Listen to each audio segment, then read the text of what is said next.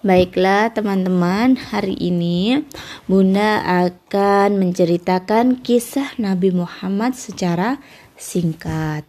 Jadi Rasulullah itu lahir pada tahun gajah, yaitu tahun di mana pasukan gajah yang dipimpin oleh Abraha dari negeri Habasyah yang tengah ingin merobohkan Ka'bah.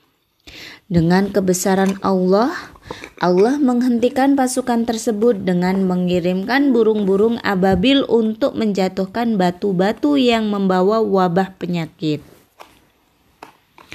Di tahun inilah Nabi Muhammad lahir di Mekah dan dibesarkan sebagai anak yatim karena ayahnya yang bernama Abdullah siapa? Abdullah. Uh, uh, Abdullah itu ayah baginda Rasul. Nah, ayah baginda Rasul ini wafat sebelum Rasulullah lahir. Ya, terima kasih.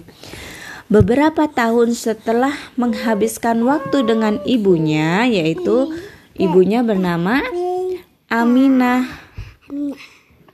Nabi kemudian dibesarkan oleh kakeknya yang bernama Abdul Mutolib karena ibunya wafat.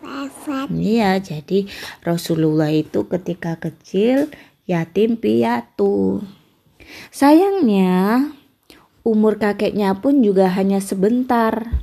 Setelah dua tahun dibesarkan oleh kakeknya, Abdul Muthalib meninggal pada umur Rasul yang ke-8. Sehingga sejak usia 8 tahun Rasul diasuh oleh pamannya yang bernama Abu Thalib. Jadi Abu Thalib ini dikenal sebagai orang yang sangat dermawan. Tahu nggak dermawan itu apa?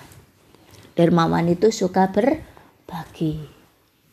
Ah, dermawan itu suka berbagi.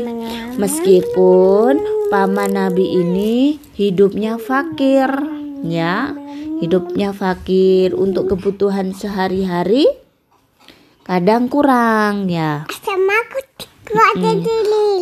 Iya, justru karena kekurangan itulah Nabi Muhammad dapat berkembang dan tumbuh bersama pamannya. Iya, enggak apa-apa. Dah. Sudah. Nah, sekarang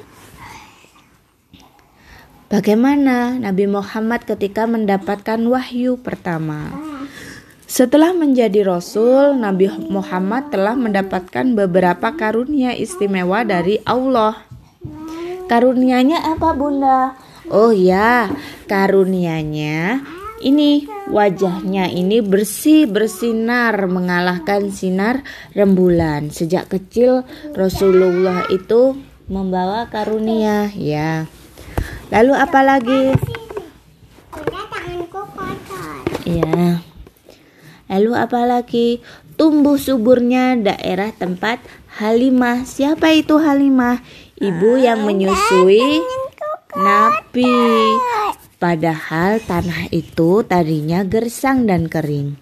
Itulah tanda-tanda kebesaran Allah yang menandakan akan datangnya nabi yang terakhir yang memiliki kedudukan tertinggi nantinya.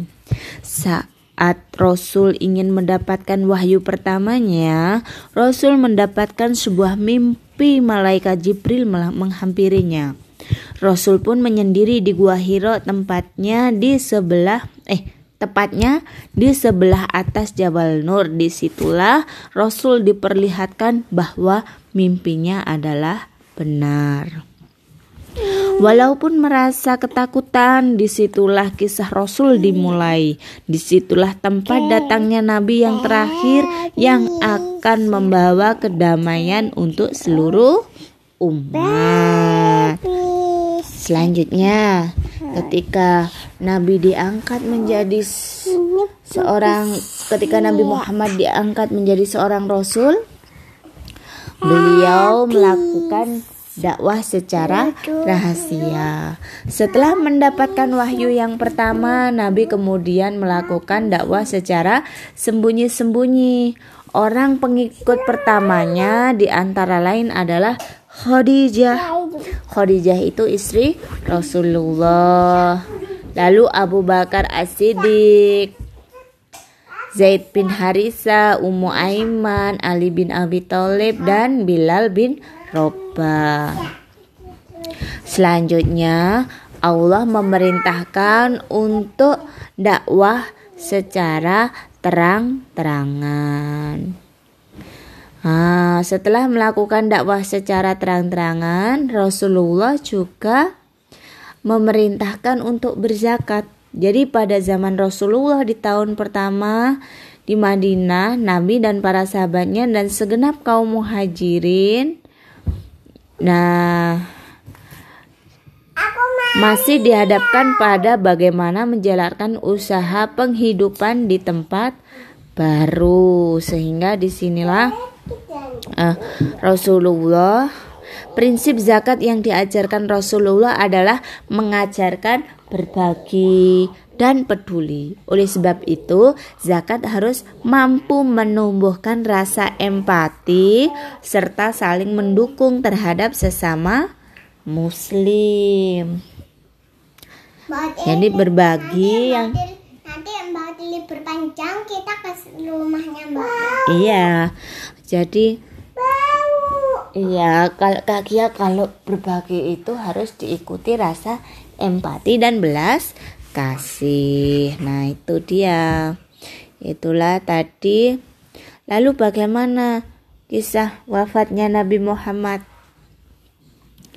Jadi kisah wafatnya Nabi Muhammad itu pada saat itu Abu Bakar sedang tidak di Madinah.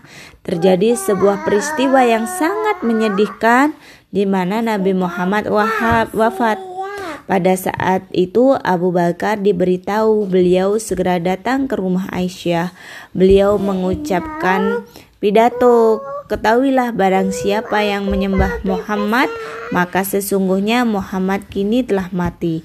Dan barang siapa yang menyembah Allah, maka sesungguhnya Allah tetap senantiasa hidup tidak akan pernah mati. Nah itu apa namanya pidato dari Abu Bakar. Nah, jadi hikmahnya adalah kita selalu berjuang, suka berbagi, meneladani akhlak Rasulullah.